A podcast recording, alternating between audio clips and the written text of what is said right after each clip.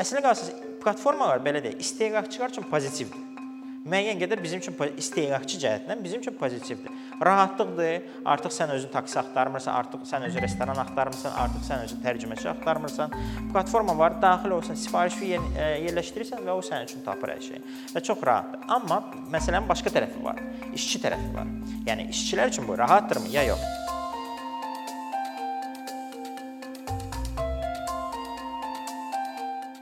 Bu gün mən çalışacağam danışım ümumiyyətlə iqtisadiyyat anlayışı barədə bu nə deməkdir və ümumiyyətlə Azərbaycanda biz bununla rastlaşırıq və necə rastlaşırıq bununla. İlk əvvəl ümumiyyətlə gig anlayışı birincisi Azərbaycan dilində onun qarşılığı yoxdur. Mən tapa bilmədim. Google Translate-də istədim onu tərcümə eləyim, amma gig tərcümədə konsert verdi. Yəni konsert iqtisadiyyatı. Təəssüf ki, tamamilə əhatə etmir bu anlayışı. Amma anlayış özü özlüyündə ingilis dilindən gəlib və vaxtilə 20-ci illərdə bu anlayışı belə deyək, adi korporativlərə və ya belə bir dəfəlik çıxışlara gig deyiblər musiqi industriyasında və 2000-ci illərin sonunda, yəni 2015-ci ildən sonra bu anlayış birdən-birə iqtisadi münasibətləri də əhatə etməyə başladı. Nəyə görə iqtisadi münasibətləri əhatə etməyə başladı ki, çünki bu anlayış bir dəfəlik qazancı əhatə edir. Yəni bir dəfəlik siz nəsə edirsiniz və ondan nəsə qazanırsınız. Daimi ona məşğul olmursunuz. Adi əgər siz e, Google-da sadəcə axtarış versəz, görə bilərsiniz ki, gig iqtisadiyyat deyiləndə nəzərdə tutulur ki, hansı hər hansı şirkətlər daimi işçi yox, işçiləri məhz hansı xidmət müqavilə və ya freelancerları cəlb eləyirlər. Yəni daimi olaraq ofisdə gəl, get, bilməm, müəssisədə işlə və s. elə bir istifadə yoxdur. Yəni gig iqtisadiyyatı adətən bu başa düşülür, bunun altında başa düşülür və o ənənəvi münasibətlərdən fərqlənir. Və nəzərə almaq lazım ki, iqtisadiyyat biz deyiləndə biz hansı iqtisadiyyat sahəsini nəzərdə tutmuruq. Yəni bəzən deyirik neft, qeyri-neft iqtisadiyyatı ya hansısa emal sahəsi və s. yox. İqtisadiyyat deyiləndə biz münasibətlər sistemini, yəni tamamilə başqa münasibətlər sistemini nəzərə alırıq ki, və bu münasibətlər sistemi ənənəvi münasibətlər, iqtisadi münasibətlərdən müəyyən qədər fərqlənir. Yer gəlmişkən siz başqa sinonimlərdə rast gələ bilərsiniz. Uberizasiya, platform iqtisadiyyatı və s. bu hamısı eyni anlayışdır. Sadəcə bəziləri iqtisadiyyat deyirlər, bəziləri uberization deyirlər və s. Yəni sadəcə Uber adını çox istifadə etmirlər bir çox kiblər və s. ki, reklam olmasa, amma ümumən bu artıq öyrə öyrəşdirilmiş bir anlayışlardır və bütün dünya üzrə istifadə olunandır. Ənənəvi münasibətlərdə nə ilə fərqlənir iqtisadiyyatı? Məsələ ondan ibarətdir ki, siz ənənəvi olaraq əgər işə düzəlirsinizsə, hər hansı yerdə işə düzəlirsinizsə, sizdə daimi qrafik var. Yəni 40 saatlıq iş həftəsi. Əmək məcəlləsi Azərbaycanda sizə deyir ki, 40 saatdan çox həftə ərzində işləyə bilməzsiniz. Agil iqtisadiyyat deyir ki, belə bir anlayış yoxdur. Nəyə görə? Çünki siz artıq əmək məcəlləsi və ya əmək münasibətləri yaratmırsınız ümumiyyətlə. Sizdə yalnız və yalnız mülki münasibətlər, yəni xidməti müqavilə münasibətləridir. Yəni biz bunu görə bilərik. Adətən siz məişətdə buna tez-tez rast gəlirsiniz. Məsəl üçün eynin taksi dediyimiz, çatdırılma olsun və bəzi digər sahələrdə siz buna tez-tez rastlaşırsınız məişətdə. Və indiki bu məsələnin aktuallığı nədən ibarətdir ki, biz indiki müasir dövrdə pandemiyadan sonrakı xüsusi olaraq dövrdə biz bundan tez-tez istifadə edirik. Məhz bu iqtisadiyyatın təsvir etdiyi sahələrdə, yəni hansılar ki, o münasibətləri tez-tez istifadə edirik. Yəni burada daimi qrafik yoxdur. Daimi iş yeri də yoxdur sizdə. Sizdə ümumiyyətlə iş yeri yoxdur. Yəni ənənəvi münasibətlər nədən ibarətdir? Biz hansı işə düzələndə biz müqavilə imzalayırıq və daimi olaraq orada çalışırıq. Düzdür, Azərbaycanda da bunun xüsusiyyətləri var. Bəzən olur ki, kimləsə 1 aylıq, 3 aylıq, 6 aylıq müqavilə imzalayır və 1 illik o ciddi problemdir, pozuntulardır. Amma belə deyək, iqtisadiyyat deyir ki, sizdə ümumiyyətlə elə bir şey yoxdur. Siz harasa daimi gəlməlisiniz və ümumiyyətlə daimi yeriniz də yoxdur. Sizin üçün o, nə yaradılıb? Hansısa platforma yaradılıb ki, hansı vasitəçi olacaq sizin münasibətlərinizdə və siz birbaşa heç bir işlə, belə deyək, heç bir şirkətlə birbaşa heç bir əlaqəniz yoxdur. Yəni çatdırılma məsəl üçün, əgər siz kuryersiniz, çatdırmada işləyirsiniz, faktiki olaraq siz restoran üçün xidmət göstərirsiniz, amma siz bu restoranda çalışmırsınız ümumiyyətlə. Siz sadəcə vasitəçi vasitəsilə elə bir ki, onunla münasibət tapırsınız, bir dəfəlik sifarişi yerinə yetirdiniz və onunla sizin münasibətləriniz bitdi. Eyni zamanda işə götürən İqtisadiyyatda deyir ki, yoxdur heç bir işə götürən. Sizi konkret işə heç kim götürmür. Siz sahibkarsınız, fərdi sahibkarsınız. Sizin işiniz siz özünüz üçün işləyirsiniz. Hətta bu məqamda kifayət qədər çox bu uğur hekayəsi və s. olur ki, siz özünüz üçün işləyirsiniz, siz heç kim üçün işləmirsiniz, bütün gəlir sizdə qalır. Və bu fərqlənən ənənəvi münasibətlər. Çünki ənənəvi münasibətlər siz bilirsiniz ki, məsəl üçün siz hansı restoranda kuryer işləyirsiniz və sizdə birbaşa bir işə götürən var ki, hansından konkret münasibətləriniz var. Əmək müqaviləsi var, siz siz ona işə gəlirsiniz gündəlik, gedirsiniz, smeniniz var və s. İqtisadiyyat yəni iqtisadiyyatın belə bu anlayışın özündə əhatə etdiyi münasibətlərdə işə götürən mövcud deyil. İqtisadiyyat deyəndə adi hansı sahələr nəzərdə tutulur? Biz adətən yəni pandemiyadan sonrakı dövrdə deyirik ki, bu taksidir, kuryer çatdırmadır və s. Amma reallıqda bu münasibətlər artıq çoxdan formalaşıb. 20 ildən çoxdur bu münasibətlər formalaşıb. Biz sadəcə onu məişətdə görmüşük yalnız son 1-2 ildə, son 3 3 il belə deyək maksimum. Çünki nədən ibarətdir? Çünki digərləri biz məişətdə ola bilər tez-tez rast gəlmirik bunlara. Amma artıq mövcuddur. Yəni ilk, ilk əvvəl formalaşmışdı informasiya texnologiyası sahəsində. Biz bilirik ki, bütün proqramistlərin informasiya texnologiyasında çalışan bir çox insanlar hələ ki müstəqil freelansdırlar. Freelance nə deməkdir? Yəni sən faktiki olaraq heç yanda işləmirsən, özün özünə işləyirsən, fərdi sahibkar kimi fəaliyyət göstərirsən. Və məsələ də ondan ibarətdir ki, reallıqda sən işləyirsən harasın, kimlənsə. Sadəcə sənə deyirlər ki, daimi işə götürən yoxdur sən. Və bu bir çox sahələrdir. Multimedia olsun, fotoqraflar olsun, tərcümə olsun, maliyyə olsun, hətta ən birinci ümumiyyətlə ən çox tətbiq, ən birinci tətbiq olunan sahə insan resursları idi. Artıq 70-ci illərdən bəri insan resurslarını, yəni işə götürmək artıq həvalə olmuşdu, belə deyək, freelansa həvalə olmuşdu.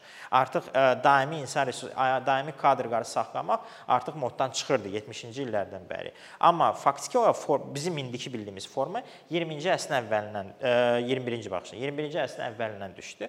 Və nəyə görə düşdü? Adətən gig iqtisadiyyat deyəndə nəzərdə tutulur ki, sizin aranızda vasitəçi olmalıdır və vasitəçi yaxşı olar ki, elektron platforma olsun.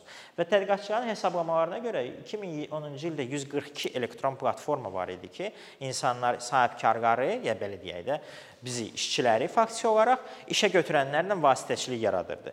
2020-ci ildə artıq belə platformaların sayı 777 idi. Yəni gördüyünüz kimi platformaların sayı 5 dəfə artıb artıq o dövrdən bu yana. Və nəticə itibarilə sahələrin sayı da artıb, genişlənib. Yəni belə deyək, siz əgər adətən deyirsiniz ki, məsəl üçün bizim üçün ən taksi deyirsinizsə Uber-dir. Amma məsəl üçün freelance sahəsində var, freelanceların birləşdirici saytları var. Adi elan saytı belə olsa, orada hansısa fəhlən və s. işi tapılırsa, bu da yenə də eyni gig iqtisadiyyatdır. Çünki platformadır. Yəni hansısa platforma vasitəsilə iş tapılırsa, bu artıq birbaşa olaraq bura aidiyyəti var.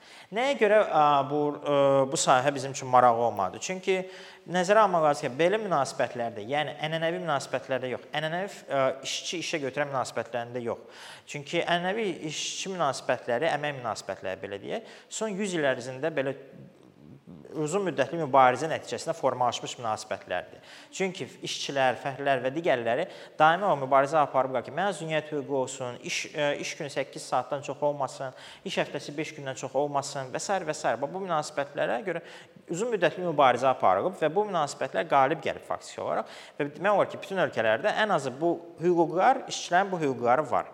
Amma iqtisadiyyat deyiləndə biz deyəndə bu o deməkdir ki, bu hüquqlardan məhrum olursunuz tamamilə məhrum olursunuz. Çünki sizin münasibətləriniz əmək münasibətləri deyil artıq. Avtomatik olaraq siz çıxırsınız. Yəni iş işə götürənlər artıq deyirlər ki, mən səni işə götürmək istəmirəm.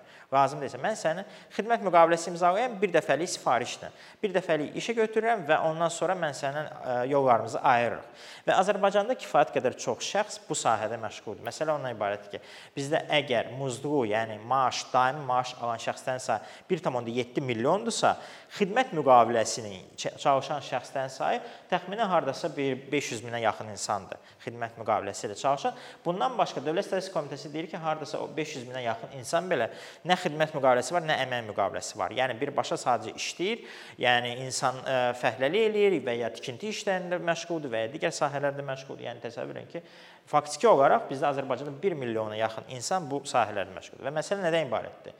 Düzdür, deyə bilərsiniz ki, bu fərdi sahibkarların sayıdır, bəlkə onun öz biznesi var, öz kapitalı var. Amma belə deyək, ticarət sahəsində belə insanların sayı maksimum bu 242 mindən maksimum 5% ola bilər, maksimum 10% ola bilər. Hətta 10% çox yüksək bir rəqəmdir. Məsələ ondan ibarətdir ki, hətta Dövlət Statistika Komitəsi nəzərə alır ki, yeni fərdi yeni qeydiyyatdan keçmiş fərdi sahibkara bu işçilərdir. Nəyə görə deyirəm? Hər rüb bizdə dərc olunur yeni iş yerləri barədə məlumat və hər rüb orada bu məlumat dərc olunur ki, nə qədər yeni fərdi sahibkar qeydiyyatdan keçib. Yəni artıq hətta dövlət də qəbul edir ki, fərdi sahibkarı yeni fərdi sahibkar bu yeni işçilərdir.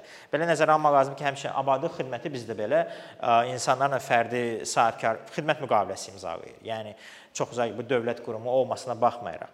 Yəni ümumən təsəvvür edin ki, 1 milyon şəxs bizdə bu giq iqtisadiyyat dediyimiz anlayış bəlkə anlayış olaraq çox bizim üçün yenidir, amma bu sahə belə deyək, bu münasibətlərdə 1 milyona yaxın insan məşğuldur.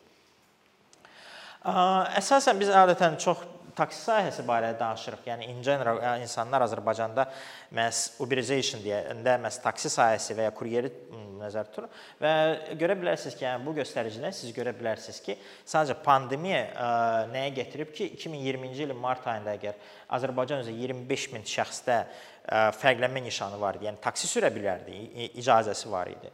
Artıq gördüyünüz kimi 2021-ci ilin yanvarında bu şəxslərin sayı 60 mindən çox idi artıq. Bu yalnız o şəxslərdə ki, fərqlənmə nişanı var və bunların hamısı demək olar ki, məşğuldur biz dediyimiz o iqtisadiyyatda. Çünki ən rahatı orada məşğul olmaq. Çünki platforma var, sən platforma vasitəsilə işləyirsən və sən rahat çalışırsan, müəyyən qədər rahat belə deyək də, dırnaqarası rahat çalışırsan, müştəri tapırsan belə deyək. Və bu insanların böyük hissəsi məhz bu platformalar vasitəsilə işləyirlər və gördüyünüz kimi il ərzində 34 min, növbəti il ərzində 12 min insan qoşulub bu bazara. Bu yalnız insanlar ki, fərqlənmə nişanı. Nəzərə almaq lazımdır ki, insanlar var ki, taksi sürürlər, amma fərqlənmə nişanları yoxdur. Onlar bu platforma hesabına nəyə görə yəni platformaların problemi ondandır ki, onlar bir çox hallarda bəlkə qeydiyyat tələb eləməyəcəksən. Nəyə görə? Çünki bu yaxınlarda hətta bir neçə taksi platforması elan etmiş ki, bizim göstəricimiz çox yaxşıdır, çünki bizdə sürücülərin 90%-i fərqlənmə nişanı idi. Rəsmi olaraq bizdə fərqlənmə nişanı olmadan fəaliyyət göstərə bilməyəcəksən, amma görünür fəaliyyət göstərənlər var kifayət qədərdir. Çünki adətən maşınlar hansısa hüquqi şəxsin adındadır, ya hansısa fiziki şəxsin adındadır və insanlar fəaliyyət göstərirlər. Yəni nəticə etibarilə təsəvvür yalnız bir sahədə gördüyünüz kimi faktiki 70 neçə min insan məşğuldur yalnız bir sahədə. Yəni bu da giq iqtisadiyyatın yəni bir istiqamətidir. Məsələ nədən ibarətdir? Son zamanlar ciddi sürətdə bu sahələrdə problemlər müşahidə olunmağa başladı. İnsan bu sahədə çalışanlar şikayət eləməyə başladılar və bu problem nədən ibarətdir ki, çünki bu platformanın iş sxemi var. Əslində qalsaq platformalar belə deyək, istehlakçılar üçün pozitivdir müəyyən qədər bizim üçün istehlakçı cəhətdən bizim üçün pozitivdir. Rahatlıqdır. Artıq sən özün taksi axtarmırsan, artıq sən özün restoran axtarmırsan, artıq sən özün tərcüməçi axtarmırsan. Platforma var, daxil olsan, sifarişi yer, e, yerləşdirirsən və o sənin üçün tapır hər şeyi. Və çox rahatdır. Amma məsələnin başqa tərəfi var. İşçi tərəfi var. Yəni işçilər üçün bu rahatdırmı ya yox? Bir nümunə var bu ilin əvvəlində, mayında, əvvəlində daha doğrusu yox, bu ilin birinci yarısında may ayında Volt kuryerlərinin əgər yadınızdadsa etirazları və s. var idi.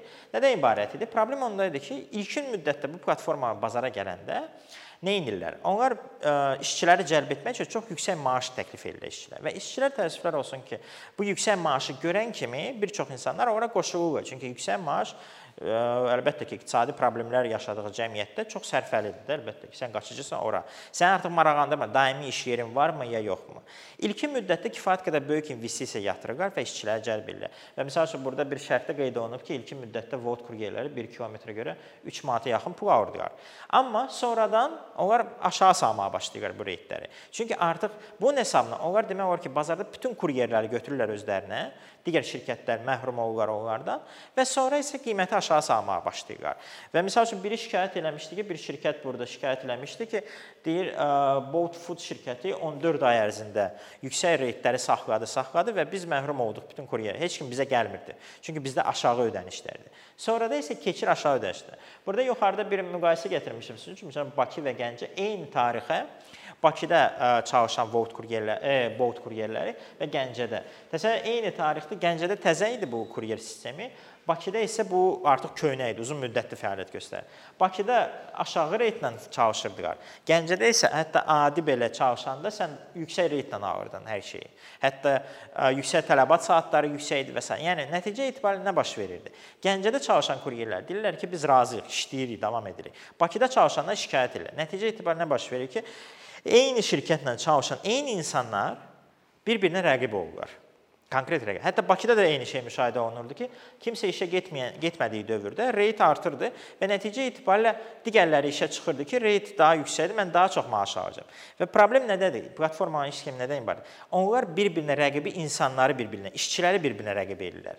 Yəni biz e, keçirik adətən iqtisadiyyat barədə danışaq. Bazar iqtisadiyyatı nədir? Bazar subyektləri arasında rəqabətdir. Bazar subyektləri arasında rəqabət, yəni şirkətlər, fiziki şəxslər və s. arasında rəqabət. Amma e, platformaların hesabına şirkətlər arasında rəqabət ciddi olmur. Platformanın hesabına insanlar bir-birinə rəqabətə çıxırlar. Taksistlər bir-birinə rəqabətə çıxırlar. Yəni işçilər əslində qalsa biz son 100 ildir işçilər birləşirdilər ki, birlikdə həmkarlıq ittifaqı yaradırdılar, birlikdə öz hüquqlarını müdafiə edirlər və birlikdə bir-birlərinə xeyir gətirirdisə, indi isə platformanın əsas məqsədi ondan ibarətdir ki, hər bir şəxsi, hər bir işçini bir-birindən ayırsın və hər bir insan və hər birisi bir-birinə rəqib olsun. Nəticədə sən işə çıxmasan, taksist olaraq sən misal üçün tətil elan edəcəksən, başqaları çıxacaq sənin yerinə işə, çünki daha yüksək qazancı var və daha çox sifariş qəbul edə bilər sənin yerinə. Və nəticə etibarilə rəqabət çox sürətlə artır və məhz rəqabətin işçilər arası rəqabətin art artması nəticəsində qiymətlər də aşağı düşür. Belə deyək, çünki işçilərin sayı çoxdur. Qeyd etdim ki, Bakıda Bakıda 50 min taksist var. Bakıda o qədər taksist ola bilər ki, heç lazım da deyil. Belə deyək, müqayisə üçün İstanbulda deyə İstanbulda deyəsən hardasa 60-70 min taksist var. Yəni İstanbul ə, ə, ə, sahəsini nəzərə alın, Bakının sahəsini nəzərə alın, görürsüz ciddi bir fərq var. Amma bizdə 50 min var. Və nəticədə onlar rəqabətdədirlər deyə qiymət də aşağı düşməyə başlayır. Qiymət aşağı düşəndə nə baş verir? İnsanlar daha çox işləməyə başlayır. Məcburən daha çox işləməyə başlayırlar. Gün ərzində daha da çox işləyirlər ki, çünki daha çox ən azı minimal tələblərini yerinə yetirsinlər. Yəni Bu əvvəl qeyd etdiyim bu Volt kuryerlər məsəl üçün vaxtı ilə amma ora işə cəlb olunurdu və reklam gedirdi ki, sən orada 2000 manata kimi qazana bilərsən. İndi 1000 manat qazanc hətta onlar üçün çox yüksək qazanc sayılır. Çünki reytlər aşağı düşüb, rəqabət çoxalıb. Yəni hətta Volt kuryerə deyəsən Bakıda 4-5 min kuryer var. Yalnız yəni təsəvvür edin ki, yemək çatdırılmada. İndi başqa sahələr nəzərə alın. Və nəticə itibarilə ə, belə deyək, istismar artır. Başqa tərəfi var ki, bəzən gig iqtisadiyyatı çox pozitiv bir şey kimi göstərmək istəyirlər. Siz kifayət qədər çox kivlərdə oxuya bilərsiniz bu barədə ki, Uber yaxşı şeydir, rahatlaşdırır həyatınızı və sizin üçün tam şərait yaradır və s. Amma məsələ ondan ibarətdir ki, məsələn Azərbaycan bir spesifikası var bu gig iqtisadiyyatda. Dünyada mən görməmişəm, elə düzdürsəm, tam yoxlamamışam, amma görməmişəm ki, ofisiantlar da bu sahədə məşğul olsun. Nə mənada? Bizdə ofisiantlar vergi məcəlləsinə görə xidmət müqaviləsi çalışa biləcək şəxslərdir. Dünyada adətən ofisiantlar hansısa yerdə daimi işləyən şəxslərdir. Amma bizdə e, problem yoxdur. Vergi məcəlləsi deyir ki, da, ə, e, xidmət müqaviləsində çalışa bilərsiniz. Və Azərbaycanda 50 min ofisiant xidmət müqaviləsində çalışır. Və mən bu barədə bir də Facebookda yazanda biri şərh yazdı ki, bu yaxşıdır, rahatdır onlar üçün. Şadlıq evlərini dəyişdirə bilərlər. Hər gün müxtəlif şadlıq evlərində fəaliyyət göstərə bilərlər. Amma bu belə deyil ki, yəni biz bilirik ki, şadlıq evlərində hər gün toy olur da. İnsan bir şadlıq evində çalışır və dəyişdirmir başqasına keçirmi və s.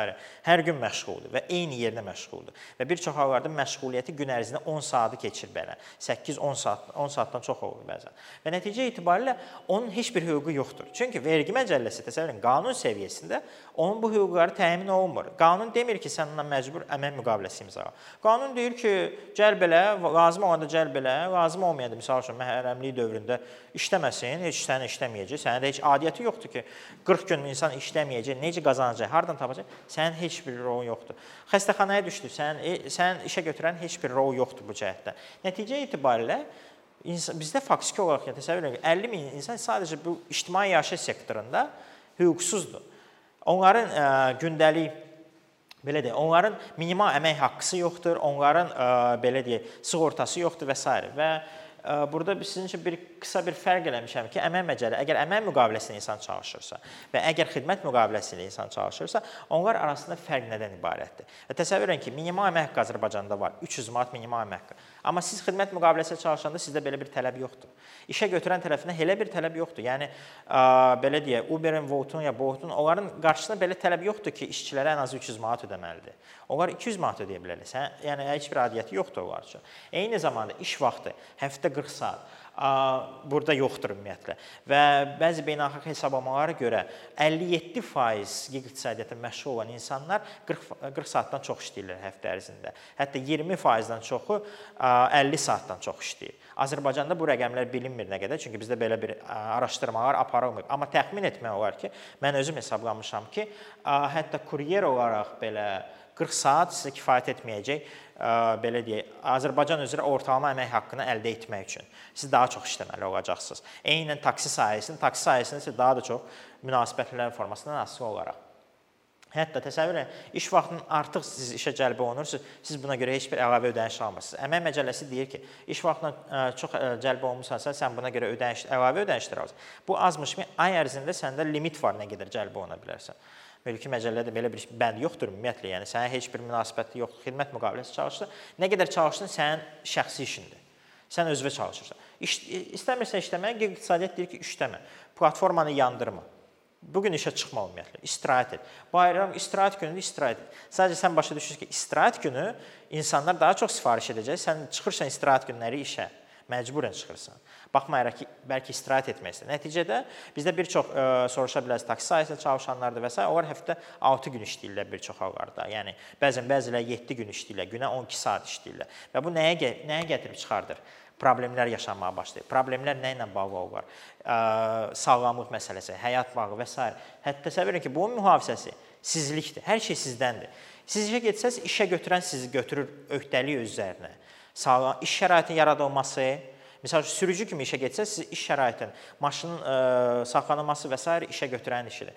Amma iqtisadiyyat deyir ki, özünsən, özün baxarsan, öz maşın var, ə, e, həyatın problemlidirsə, özün baxarsan, xəstəxanaya düşmüsən, özünü ödəməlisən və s. və s. və ilə axır. Nəticə etibar tibbi sığorta, sosial sığorta, hər şey sənindir. Və Azərbaycan qanunvericiliyində marağı bir məsələ var ki, sən Əgər təsəvvür edin ki, fərdi sahibkar kimi fəaliyyət göstərirsən, aylıq sosial sığorta 75 manat ödəniş edirsən. Hesablama hesablasaz siz əgər 1000 AZN təsəvvür edək ki, siz ə, bilmirəm hansısa sahədə məşğulsunuz və aya 1000 AZN alırsınız. Ə, təsəvvür edin ki, eyni şəxs əgər harısı işləsəydi, 11.5 ilə pensiya kapitalı yığa bilərdi. İndiki 34 minlik pensiya kapitalı. Amma siz əgər fərdi sahibkarsa 38 il lazım olacaq sizə. Yəni 38 il ərzində siz fəaliyyət göstərməli, hər ay ödəniş etməlisiniz ki, sizə minimal pensiya kapitalı alasınız ki, minimum pensiya 240 manat alacaqsınız. Bu indiki qiymətlərlə.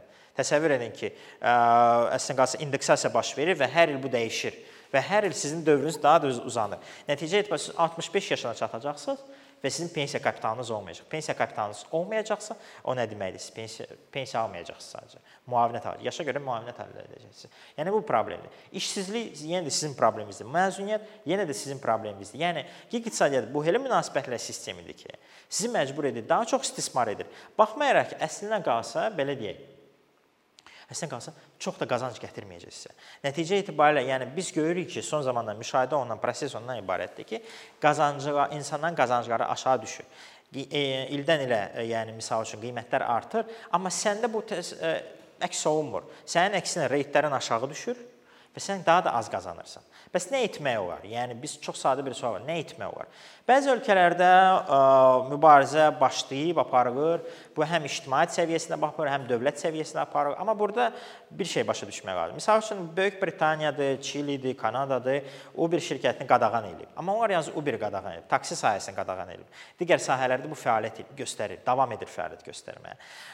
Qadağaya qadağa o qədər də yaxşı effekt vermir ümumiyyətlə. Çünki bu elektron platformalarda onlar əvvəl-axır daxil olur bazara və sən onu tənzimlə tənzimləyə bilməyəcəksən. Daha yaxşı olardı ki, qanuni tərəfdən tənzimlənsin. Bir dəfə 2019-cu ildə Kaliforniyada cəhd olundu taksi sahəsini tənzimləmək. Qanun qəbul olundu ki, ə, fərq eləmir sən platformada işləyirsən, şirkətlə işləyirsən, sən muzlu işçisən. Və o zaman Uber və s. problemlə üzləşdi ki, maaş verməlidir. İşçilər minimal əmək haqqı ödəməlidir istəsə. Düzdür, o Uber nə etdi? Uber və digərləri 200 milyon dollar xərclədilər lobbiçiliyə və qanunu dəyişdirdilər. Amma qanunu dəyişdirəndən sonra bəri hətta orada bir neçə bənd qaldı ki, çox vacib bəndlərdir.